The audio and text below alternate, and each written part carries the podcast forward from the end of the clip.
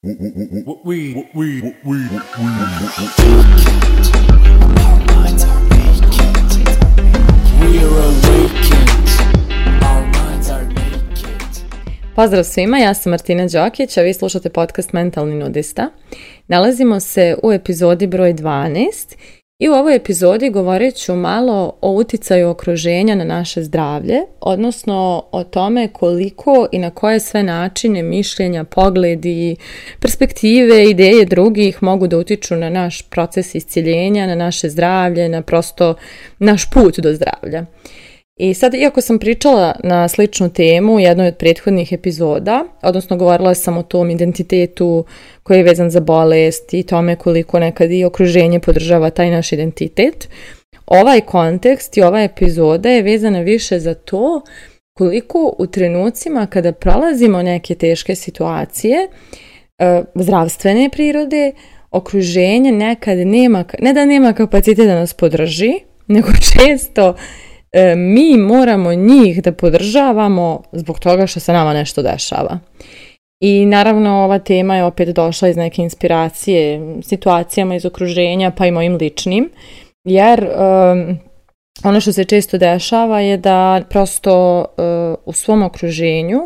imamo ljude koji iz najveće ljubavi upadnu u apsolutni stres, sikiraciju, frku, bol, strah i sve ostalo i onda dok mi skupljamo kapacitete da izađemo iz neke situacije koja nam je bolna i teška i prosto zdravstveno komplikovana, ti ljudi toliko svojom tugom ili stresom ili strahom otežavaju nama, odnosno oduzimaju nam te kapacitete, zato što uh, prosto, njima treba podrška jer smo mi loše. I ovo sam imala priliku da sretnem, pogotovo kad su u pitanju, pardon, neke teške bolesti, jer, na primjer, to,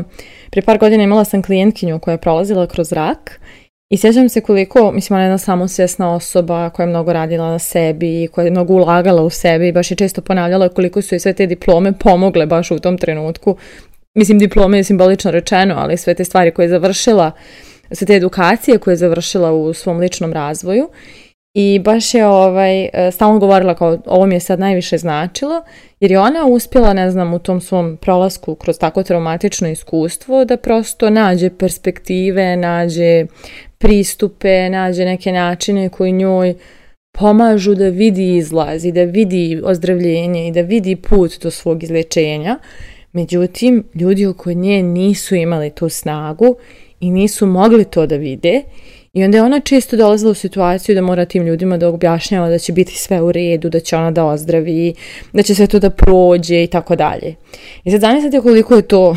izazovno, možda neki od vas to i znaju, nažalost, da kada smo mi ranjivi i mi u problemu i kada je nama potrebna podrška i prostor i,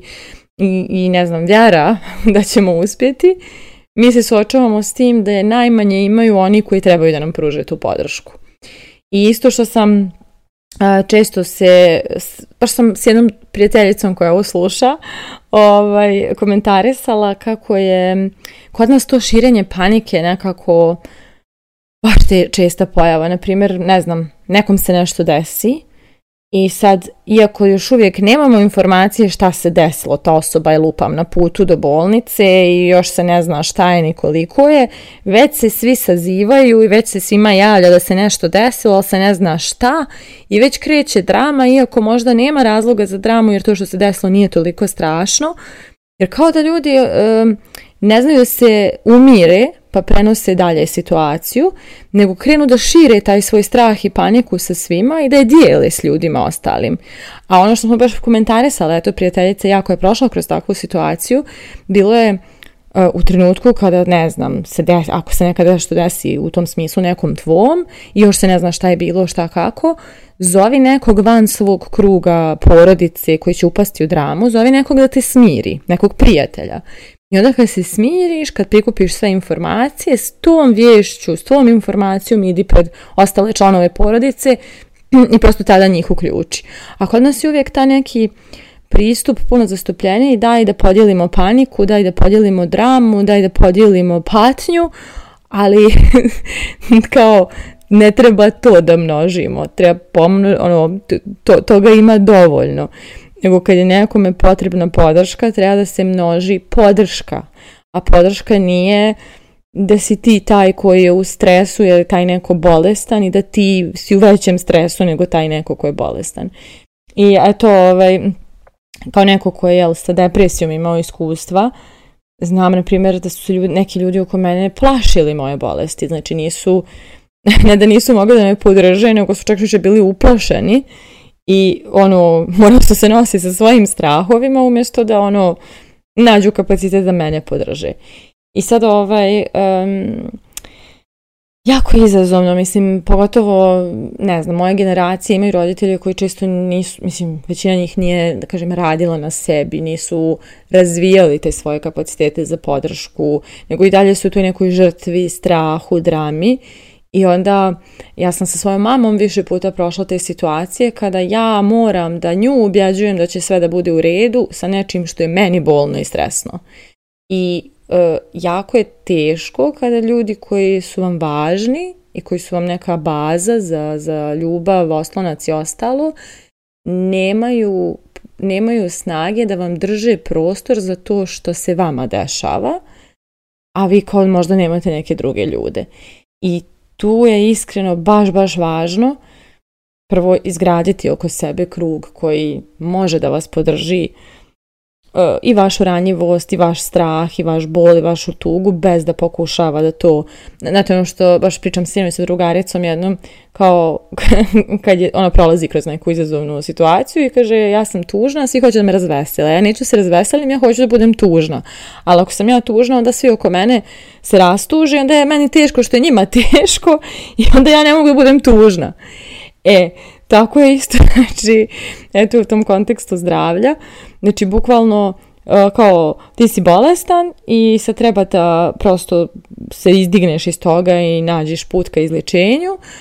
ali i sad radiš sam sa sobom, trudiš se, gradiš tu viziju, vjeruješ, e, uvjeravaš sebe da ti to možeš i tako dalje, a onda ovi oko tebe toliko su prebijeni tom tvojom situacijom da ti sad moraš okoli njih da tjašiš i vičeš ajde, ajde, sve će biti u redu, bla, bla, bla, pa onda ni ne stižeš da se baviš sobom i da čuješ šta tebi treba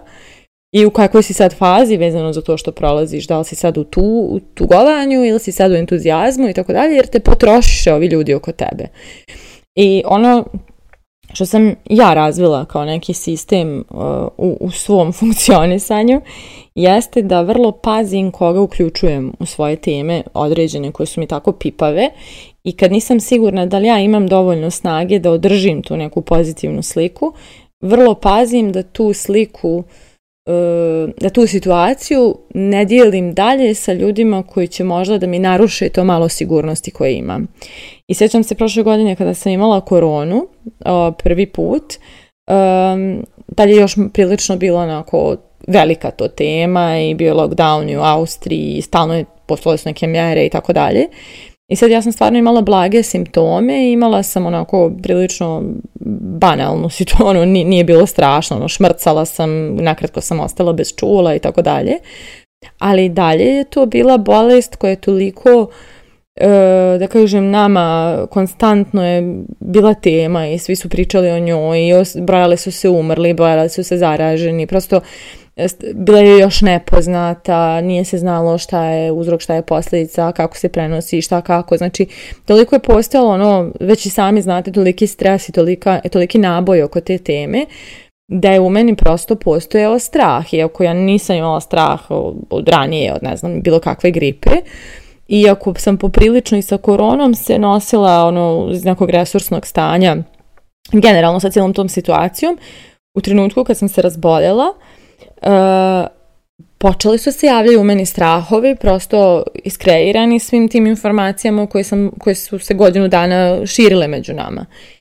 I ja sam tad shvatila da ja imam kapacitet da izađem iz strahova i da zadržim neku pozitivnu sliku i da prosto vidim neku dobru stranu u tome što sam bolesna ali da nemam kapacitet dovoljan da podijelim drugima da sam bolesna i da onda slušam njihove strahove o tome da li možda imam upalu pluća, da li će možda da se desi ovo ili ono, da li ovako, da li onako, jer onda bi mi poljuljali to malo snage i samopouzdanja koje ja u tom trenutku imam. I ono što sam ja tada izabrala je zatvorila sam se kući, ono kad sam saznala sam bolesna, zatvorila sam se kući, izolovala sam se od svih i gledala serije, lečila se, pisala zahvalnosti, meditirala i bukvalno ono nisam komunicirala s ljudima okolo da sam bolesna jer kažem nisam željela da se nosim sa njihovim strahovima, a znala sam da to može da poremeti moj put kao ozdravljenju. Jer prosto dovoljno je, dovoljno je da mi neko ubaci neku bubu koja može da me potrese i ja ću sva da se srušim, ono, sav, to, taj svoj sistem samopouzdanja ili vjere